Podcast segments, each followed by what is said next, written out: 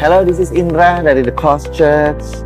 Ini adalah channel podcast kami. Terima kasih udah tune in dengan channel ini, saudara. Kami berharap bahwa setiap message kami dapat membukakan lebih siapa Tuhan, saudara, dan Injil kasih karunia dan apa yang Yesus sudah lakukan di kayu salib kiranya membebaskan kehidupan saudara di dalam nama Yesus. Enjoy the message. God bless you.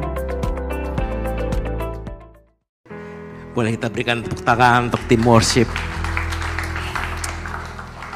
I think it's been like 13 tahun saudara.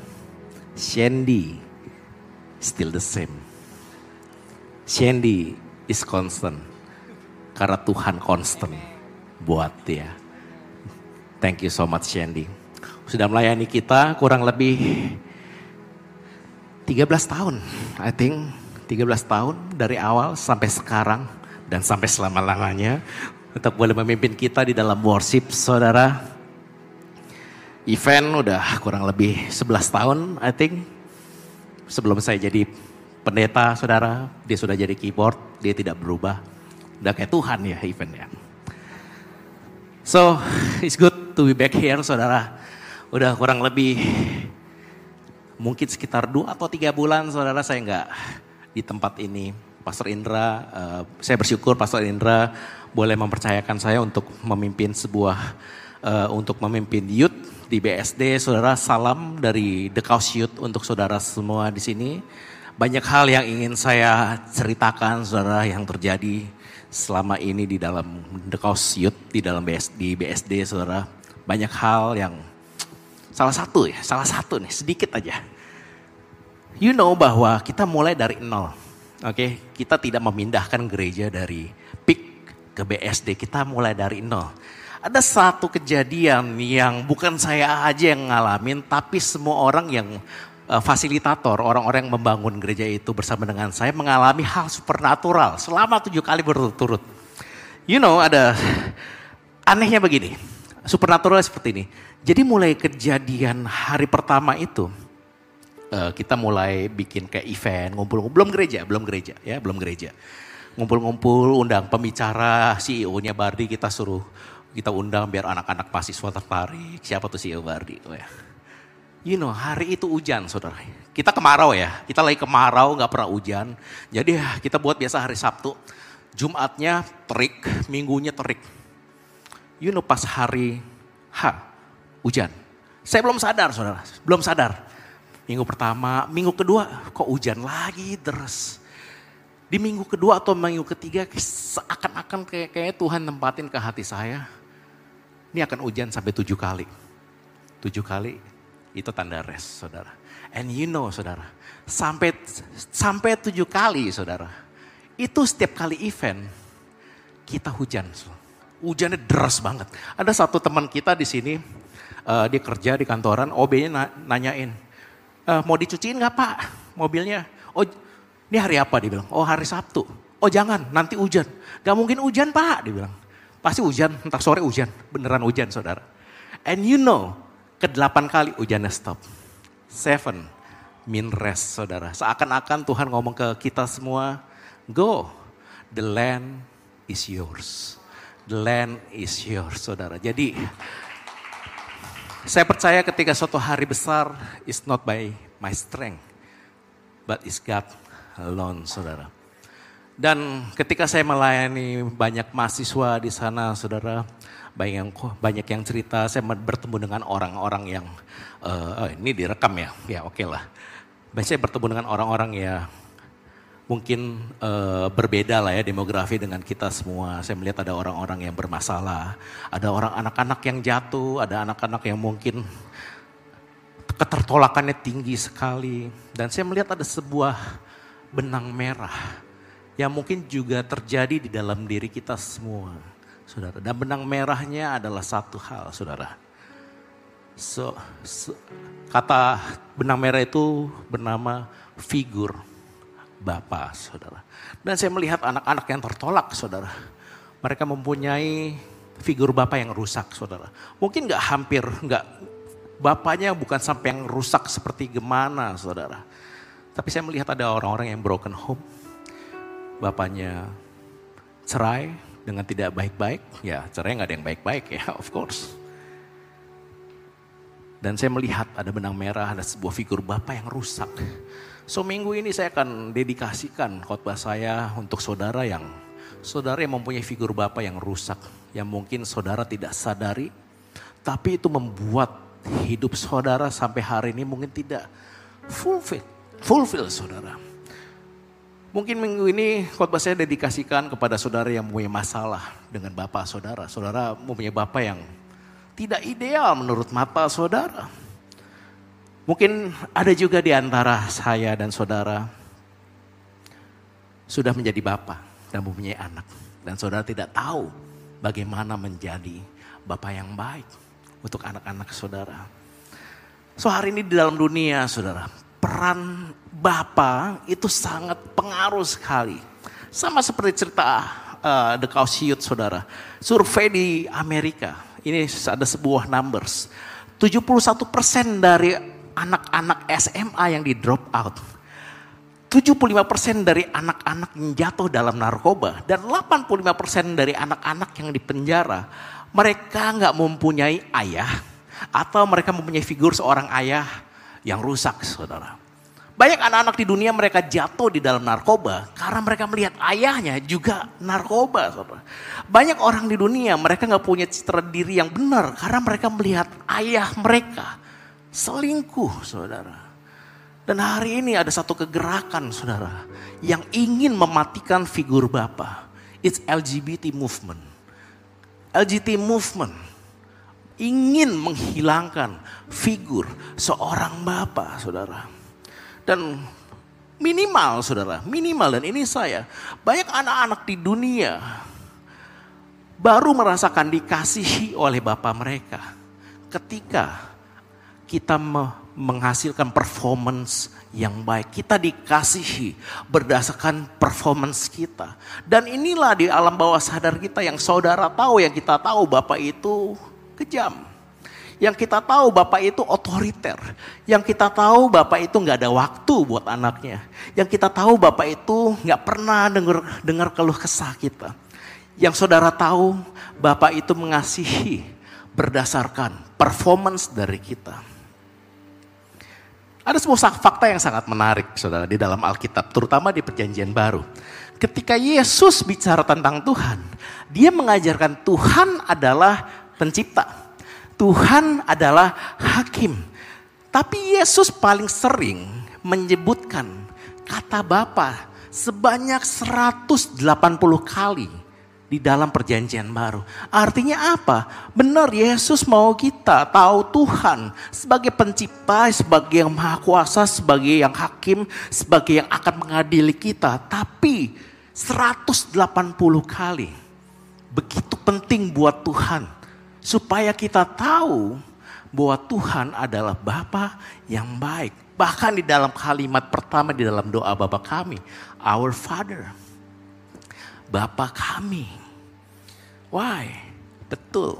Kita perlu tahu Tuhan sangat maha kuasa, saudara. Betul kita perlu tahu Tuhan yang sudah memplanningkan rencana kehidupan kita. Tapi saudara, Tuhan paling mau supaya kita tahu Tuhan adalah your daddy. Adalah Bapa kita saudara. Dan hari ini saya akan membawakan sebuah ayat yang mungkin sudah ratusan kali. Saudara dengar seumur hidup saudara di dalam Alkitab saudara. Saya ingin bacakan di Lukas 15 ayat 11 sampai 13. Yesus berkata lagi, ada seorang mempunyai dua anak laki-laki. Kata yang bungsu kepada ayahnya, Bapak, berikanlah kepadaku bagian harta milik kita yang menjadi hakku. Lalu ayahnya membagi bagikan harta kekayaan itu di antara mereka. Berapa hari kemudian anak bungsu itu menjual seluruh bagiannya itu lalu pergi ke negeri yang jauh. Di sana ia memboroskan harta miliknya dengan hidup berfoya-foya atau dalam bahasa Greek aslinya asotos atau rebellious, pembangkang, rebel. Ketika dihabiskannya semuanya, timbullah bencana kelaparan di dalam negeri itu dan ia pun mulai melarat dalam bahasa aslinya lack of word. Lalu ia pergi dan bekerja pada seorang majikan di negeri itu. Orang itu menyuruhnya ke ladang untuk menjaga babinya. Lalu ia ingin mengisi perutnya dengan ampas yang menjadi makanan babi itu. Tapi tidak seorang pun yang memberikan kepadanya. Lalu anak bungsu ini, ia pergi ke negeri yang jauh. Artinya anak bungsu ini ingin terpisah dari bapaknya. Anak bungsu ini ingin hidup terpisah dari bapaknya. Karena dia pikir harta bapaknya bisa membuat dia bahagia. Karena cukup harta bapakku aja, maka aku akan hidup dengan bebas, dengan happy. But the consequence, ada konsekuensi ketika kita hidup terpisah dengan bapak kita di surga. Kata berfoya-foya dalam bahasa Inggrisnya, tadi kita sebut adalah wild living atau bahasa asli asotos, rebellious. Nanti kita bahas yang ini, saudara. Tapi ada satu titik, saudara. Ketika engkau terpisah dengan Bapamu di surga. Ada banyak hal-hal yang negatif yang bisa terjadi dalam hidup dalam hidup kita. Ada satu titik di mana anak bungsu ini melarat. Dalam bahasanya bahasa aslinya lack of worth. Worthless, nggak have no value. Di mana anak bungsu ini menemui bahwa dirinya tidak ada harganya. This young man become no value dia menganggap dirinya no value dan orang-orang di sekitarnya menganggap dirinya worthless, saudara. Bahkan dia menjadi penjaga babi, sebuah pekerjaan yang nggak layak. Mungkin terkadang hidup kita sama seperti anak ini, saudara, terlepas dari bapak kita. Kita merasakan diri kita have no value. Kita merasakan diri kita di mata orang-orang kamu gak berharga, kamu cuma penjaga babi. Pekerjaanmu cuman ya, cuman cuman gajinya cuman UMR doang. Atau di bawah UMR. Ah, kamu gak berharga di dalam, kamu gak bisa mendidik anak dengan baik. You, you have no value of being a parents. Kamu gak bisa mendidik anak. Kamu gak bisa, kamu kurang pinter di dalam bisnis. You have no value in business. Mungkin karena pekerjaan kita hanya dalam tanda kutip penjaga kandang babi. Mungkin kamu nggak punya talenta. Mungkin kita nggak gaul saudara dan orang banyak memandang kita sebelah mata saudara. Saya ingin memberikan sebuah analogi saudara perumpamaan. Setiap daripada kita saudara, waktu kecil mungkin SD gitu ya, satu kelas sampai lima, tiga SD. We have a favorite toy kita punya mainan favorit yang selalu dibawa ke mana-mana gitu. Shandy, dulu kamu punya mainannya apa? Hello Kitty, mungkin seperti yang kalau cowok biasanya, eh Alex, do you have any favorite toy? No, aduh, masa lalu mau kelam sekali sepertinya. Kalau Rian saya tahu mainannya dari dulu udah pakai uang saudara. Udah kayak paman gober, uang ke mana-mana saudara. Dan saya punya satu mainan favorit saudara. Dan mainan ini saya selalu bawa saudara. Boleh tampilkan next berikutnya. This is Soul Braver. Oke, okay? kalau saudara yang seumuran saya, setiap jam 5 sore di Indosiar, kurang lebih waktu saya kelas 1 atau 2 SD, ya, ketawa ada seumuran nih berarti ini. Soul Braver, mainan, ini mainan salah satu mainan favorit saya saudara. Sebuah polisi robot saudara saya selalu bawa mainan ini ke mana-mana, saudara. Dan ini adalah gambar dari internet yang saya ambil, saudara. Waktu kelas 3, 4 SD, saya selalu bawa mainan ini ke mana-mana. Pas keluar kota saya bawa. Ke rumah temen saya bawa, saya pamerin. Oh saya bangga banget punya mainan ini gitu ya.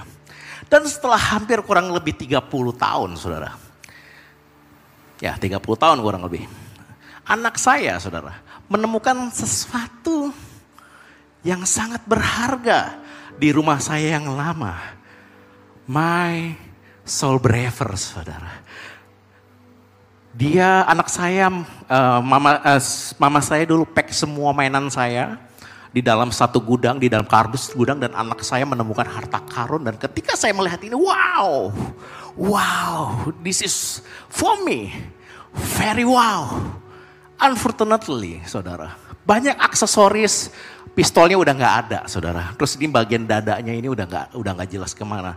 Dan yang paling sakit hati anak saya putusin tangannya, saudara. Dan saya dulu dibawa ke mana-mana. And you know saudara, ini udah gak ada nilainya di pasar. This has no value. Saya cari Tokopedia gitu, Soul Braver gitu. Gak ada yang jual. Akhirnya saya cari di Amazon.Japan gitu. Ada yang jual karena ini made in Japan asli yang beliin papa saya. That's why ini so memorable buat saya. But for me saudara, ketika dunia melihat ini gak ada nilai. But for me and my kids, this is still valuable for me. Meskipun tangannya buntung saudara. Meskipun gak ada pistolnya lagi saudara. Meskipun dia udah banyak cacat saudara. Eh, saya tidak akan buang mainan ini. Dan mainan ini saya tetap letakkan di lemari uh, mainan anak saya bersama dengan mainan lain yang lebih mahal. Sama hal seperti saya dan saudara. Mungkin kita sudah nggak komplit bagi dunia. Not literally, tangan kita udah nggak ada. Bagi dunia mungkin kau tidak ada harganya. Bagi dunia mungkin kau cacat. Bagi dunia mungkin engkau kurang pinter. Bagi dunia mungkin engkau kurang pandai berbisnis. Bagi dunia engkau mungkin kurang ganteng. Bagi dunia mungkin kau kurang pinter. But untuk Tuhan engkau tetap punya value. Untuk Tuhan, engkau tetap berharga. Tuhan gak akan buang kita sama seperti saya gak akan buang mainan ini. Tuhan gak akan buang saya dan saudara. Dunia mungkin menerima engkau, engkau harus komplit. Engkau harus pinter, engkau harus ada value. But for God, Tuhan tetap terima engkau. But listen to this saudara. Berbanding terbalik dengan apa yang Bapak kita perbuat. Bapak, Bapak kita di surga menerima kita bukan berdasarkan apa yang kita perbuat. Bapak kita menerima kita bukan berdasarkan value yang kita buat. But remember this, saudara. God love us. Not because we have value. Tapi justru kasih Tuhan yang membuat engkau bernilai. Rasa sayang saya terhadap mainan saya membuat mainan saya ada value. Bukan karena dia berharga, tapi saya yang memberikan value. Aku nggak akan buang kamu. Kalau ada, saudara, kalau ada spare part yang bisa saya beli untuk merestorasi mainan ini, saudara, I'll do anything untuk saya bisa merestorasi mainan saya, saudara.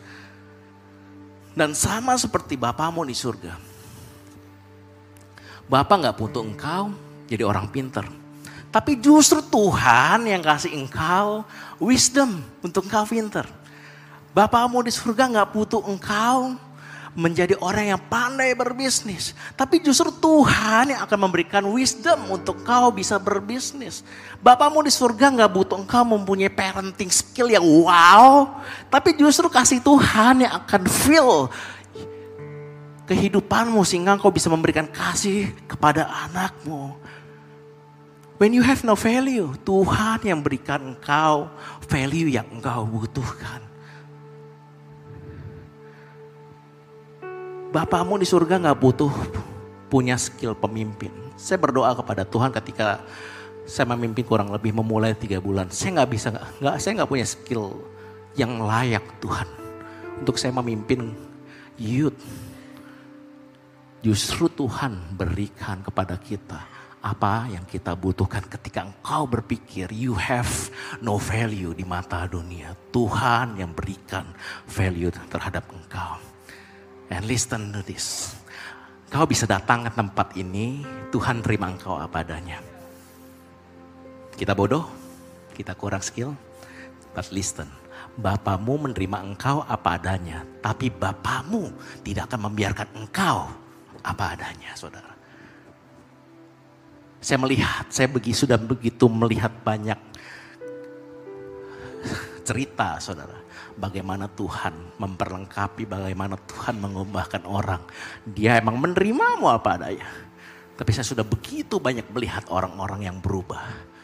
Karena Tuhan tidak akan membiarkan engkau apa adanya saudara. Lalu perhatikan berikutnya saudara.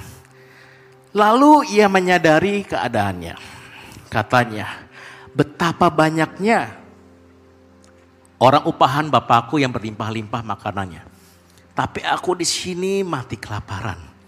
Aku akan bangkit dan pergi kepada bapakku dan berkata kepadanya, Bapa, aku telah berdosa terhadap surga dan terhadap Bapa.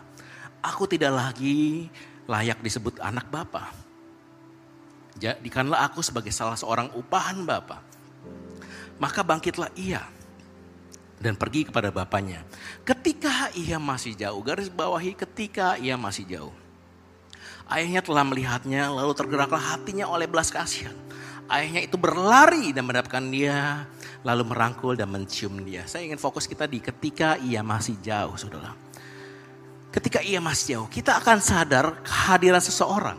Kalau orang itu sudah dekat radiusnya 5-10 meter atau di pintu itu 5-10 meter, kita akan tahu saudara tapi tidak dengan bapak ini, saudara. Tidak dengan bapakmu. Dia bisa sadar ketika ia masih jauh. Mungkin bangsa 300 meter, mungkin masa 400 meter, saudara. Artinya apa, saudara? Kita nggak bisa melihat orang dari kejauhan kalau kita nggak menanti. Kalau kita nggak duduk diam terus secara aktif menunggu orang itu untuk datang, saudara. Ketika saya jemput anak saya ke sekolah, saudara saya akan perhatikan dari jauh secara aktif yang mana anak saya, yang mana anak saya. Yang paling berisik, oh ya udah pasti kedengeran. Uh, langsung paling berisik. Oh, nggak usah ngeliat, denger. Oh itu dia tuh, ntar, ntar lagi datang. Dan sama seperti Bapakmu di surga. Artinya apa? Tuhan menunggumu secara aktif.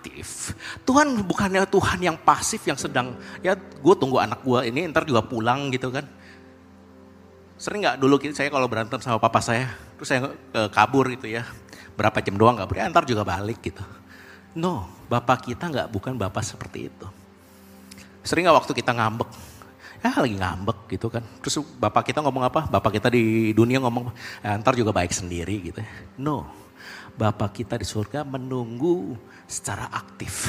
Ketika engkau hari ini sudah lama nggak ke gereja, ketika engkau hari ini sudah jatuh terlalu dalam, Bapamu aktif menunggumu untuk engkau pulang saudara. Dan saudara tahu cerita berikutnya saudara. Bapaknya berlari mendapatkan anak ini saudara. Kita udah sering dengar bahwa Tuhan gitu ya, saking bersamang, bersemangatnya kan dulu Timur Tengah tuh uh, pakaiannya kayak cingkrang gitu ya. Jadi kok berlari begini, dia nggak lah, dia nggak ini, nggak apa namanya, nggak nggak malu. Dan itu merupakan hal yang memalukan bagi seorang bapak untuk lari, saudara. Tapi ada satu hal yang begitu indah, saudara. Ada alasan lain yang begitu indah. Kenapa bapak ini berlari, saudara? Perhatikan ayat berikutnya, saudara. Tetapi next, ayah itu berkata kepada hamba-hambanya, lekaslah, bawa kemari jubah, cincin, dan sepatu. Nanti kita bahas. Tapi kita lihat lekaslah. Bapaknya berlari mendapatkan, terus dia bu, dia ngomong ke hambanya, lekaslah bawa kemari jubah dan bla bla bla. Seakan-akan kayak bapaknya ini buru-buru ada sesuatu yang amat penting dan genting untuk disampaikan ke anak ini saudara. Ada sesuatu yang urgent sehingga membuat bapak ini terburu-buru saudara. Kita lihat saudara bahwa tadi anak ini adalah rebellious, pembangkang. Kehidupannya wild living, kehidupannya pembangkang saudara. Berdasarkan hukum Taurat, di ulangan 21 kita bacakan saudara. Apabila seorang mempunyai anak laki-laki yang degil dan membangkang, yang tidak mau mendengarkan perkataan ayahnya dan ibunya, dan walaupun mereka menghajar dia, tidak juga dia mendengar mereka. Maka haruslah ayahnya dan ibunya memegang dia dan membawa dia keluar kepada para tua-tua kota yang di pintu gerbang tempat kediamannya. Dan harus berkata kepada para tua-tua kotanya, anak kami ini degil dan membangkang, asotos. Ia tidak mau mendengarkan perkataan kami. Ia seorang pelahap dan peminum. Saya juga pelahap sih saudara. Tapi ya mungkin beda gitu ya artinya. Ketahuan dari postur. Maka haruslah semua orang sekotanya melempar anaknya dengan batu. Karena dia seorang pembangkang sehingga ia mati. Demikianlah kau hapuskan yang jahat itu dari tengah-tengahmu dan seluruh orang Israel akan mendengar dan menjadi takut. Jadi hukuman untuk anak yang pembangkang adalah dihukum mati dengan cara ditimpuk. That's why bapaknya berlari, saudara. This is why The most reason ayahnya berlari karena dia tidak ingin anaknya ditimpuk oleh batu oleh satu penduduk desa atau kota, saudara. The reason, the most reason anak bapaknya datang memeluk anaknya supaya kalau ada orang yang menimpuk anaknya, biar bapaknya yang kena, biar bapaknya yang sakit. Anak ini harusnya mati, tapi bapak ini berkata, I don't want my son die. Aku nggak mau anakku mati, biar aku yang mati. Sounds familiar, right? Inilah gambaran karya salib Yesus, saudara. Inilah karya salib Yesus yang Tuhan sematkan secara rahasia supaya saya dan saudara menerima betapa Bapak kita di surga tidak mau kita mati saudara. Harusnya kita ditimpuk atas dasar pelanggaran kita. Harusnya kita ditimpuk atas dasar pemberontakan kita. Tapi Bapak di surga berkata, I don't want you to die. My son, I don't want you to die. Let me die for you. Let me die for you. Biar aku yang ditimpuk oleh batu. Biar aku yang dihukum. So you can live. Supaya engkau tetap hidup saudara. Biar aku yang mati. Biar aku yang disalib. Biar aku yang dihukum supaya kamu gak mati. Betul, karena kesalahan kita. Kita seharusnya menanggung kesalahan kita. But this is grace. Gak pernah fair. Grace is never fair. Grace is never fair. And we never fail. Untuk engkau dan saya. Betul karena pelanggaranmu harusnya kamu dihukum.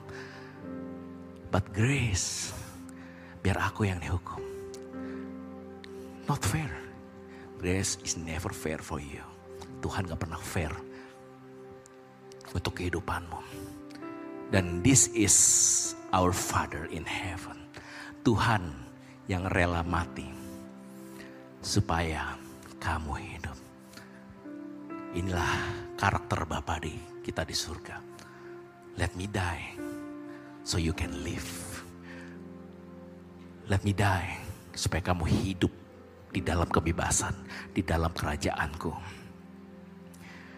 Saudara saya ingin intermezzo sedikit saudara. Saya ingin ajarkan satu hal.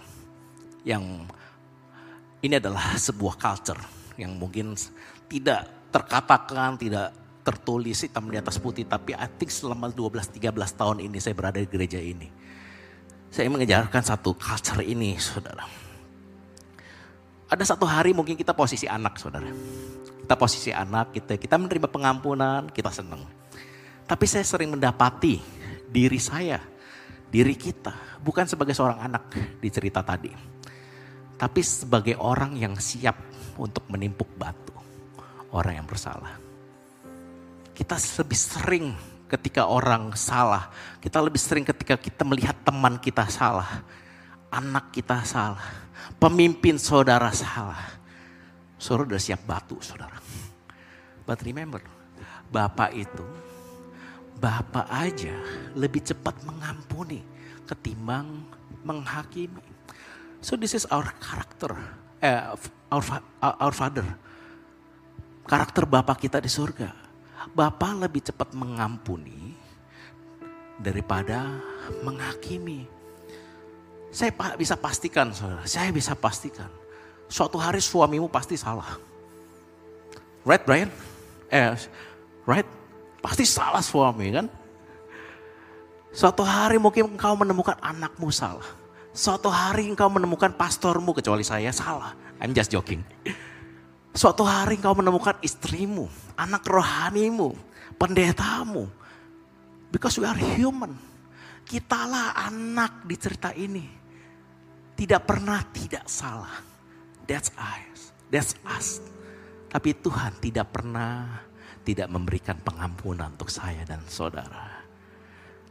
Lalu perhatikan ayat berikut saudara. Lukas 15 ayat 22. Next. Tapi ayah itu berkata kepada hamba-hambanya, lekaslah itu yang tadi, bawa kemari jubah yang terbaik. Pakaikanlah itu kepadanya dan kenakanlah cincin dan pada jarinya dan sepatu pada kakinya. Ada tiga hal, saudara. Jubah yang terbaik. Saya ingin bacakan, eh saya ingin jelaskan satu persatu, saudara. Jubah sering kali dipakai di dalam Alkitab melambangkan sebuah righteousness atau keselamatan. Sebagai contoh ada di Yesaya 61 ayat 10. Boleh tampilkan ayatnya. Aku bersukaria di dalam Tuhan. Jiwaku bersorak-sorai di dalam Allahku. Sebab ia mengenakan pakaian keselamatan kepadaku dan menyelubungi aku dengan jubah kebenaran. Next ada di Wahyu ayat 7 Wahyu 7 ayat 14. Maka kataku kepadanya, Tuanku, Tuan mengetahuinya. Lalu ia berkata kepadaku, mereka ini adalah orang-orang yang keluar dari kesusahan yang besar. Dan mereka telah mencuci jubah mereka dan membuatnya putih di dalam darah anak domba. Jadi kata jubah kebenaran ini melambangkan salvation, righteousness. Dan saudara perhatikan setiap pemakaian kata jubah di dalam Alkitab saudara, selalu jubah ini diberikan dengan cuma-cuma bukan berdasarkan performance saudara, bukan berdasarkan ketaatan saudara, tapi selalu diberikan secara cuma-cuma. And this is grace. Lalu cincin saudara. Cincin melambangkan otoritas dan status. Ketika anak ini pergi, dia nggak punya lagi otoritas saudara dia kehilangan otoritas sebagai seorang anak, saudara. Dan bapaknya mengembalikan otoritas dia sebagai seorang anak. Cincin kalau kurang lebih mirip-mirip zaman sekarang. Kurang lebih kalau saudara menikah, saudara. Saudara pakai cincin, cincinmu ada nama istrimu tertulis? Kamu nggak pakai cincin. Good luck Brian.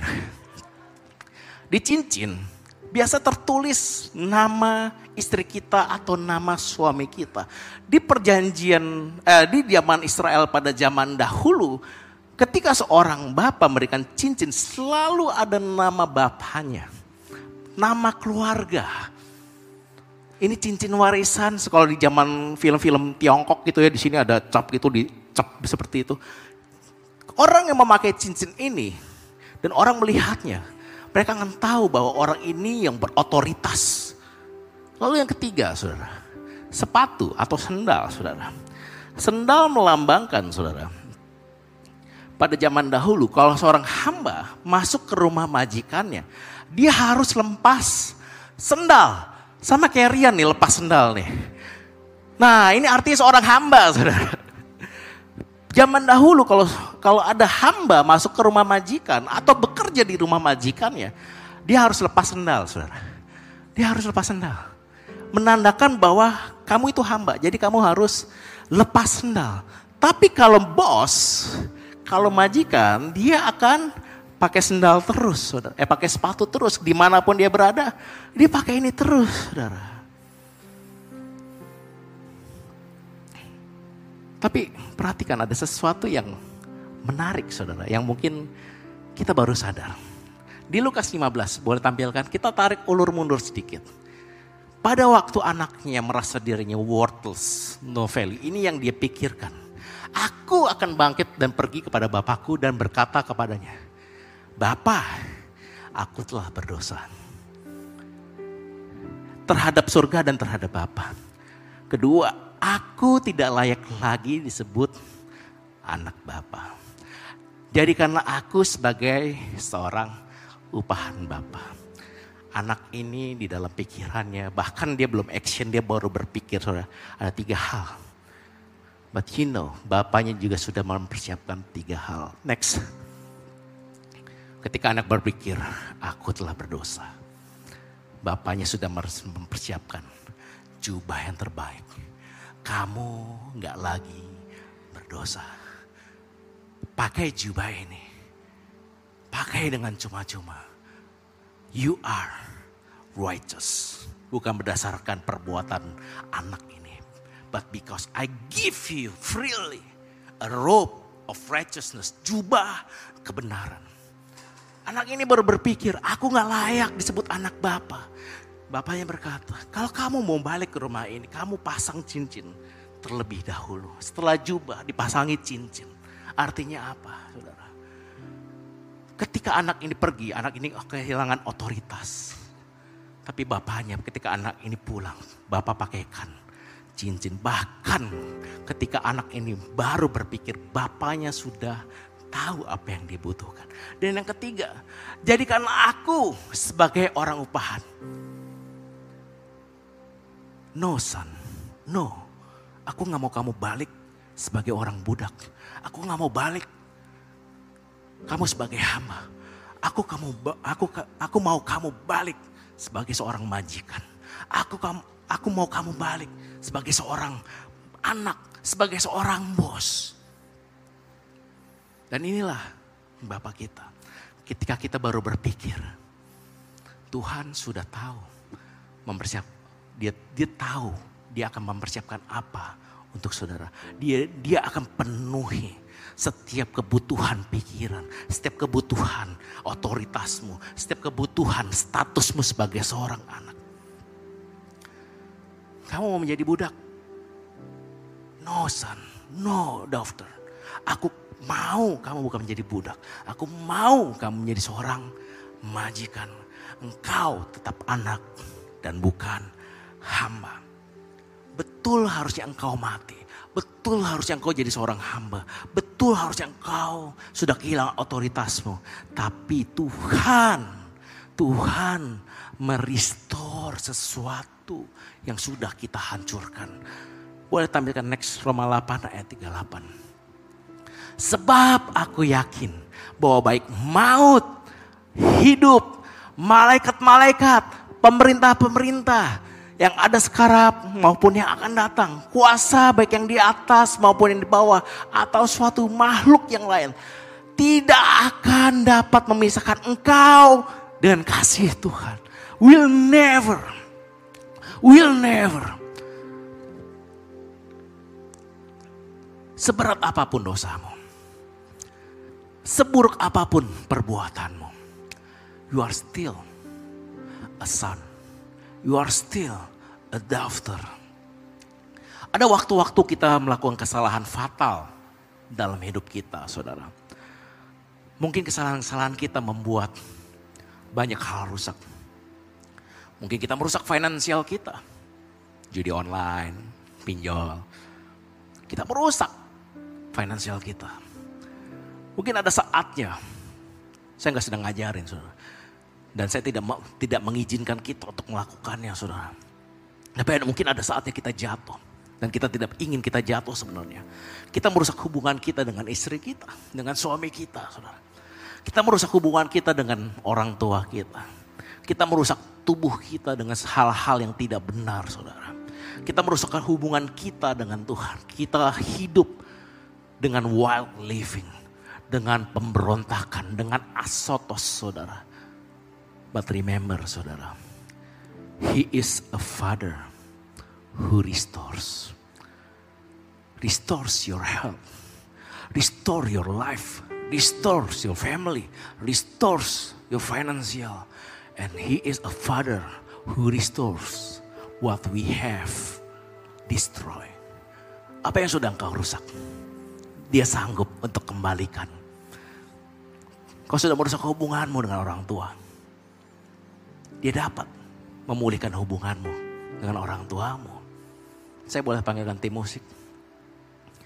Apa yang kau sudah rusak? Finansialmu. Mungkin kau terlilit hutang hari ini. Mungkin karena kesalahan atau ketidakbijaksanaan kita, saudara. But remember, ketika anak tadi berpikir, saudara, Aku mau balik ke rumah bapakku. For sure, for sure. Dia akan angkat hutangmu. Entah bagaimana caranya. But I'm sure Tuhan kita adalah Tuhan yang sama. Dulu, sekarang, dan selama-lamanya. Mungkin hari ini kita berubah saudara. Kita nggak lagi taat. Ada kalanya kita jatuh. Ada kalanya kita berapi-api untuk Tuhan. Tapi Tuhan tetap Tuhan yang sama. He is the master of restoration in our life. So can I invite you to stand up? and receive His love. And we want to worship Him karena Dia Bapak kita yang baik.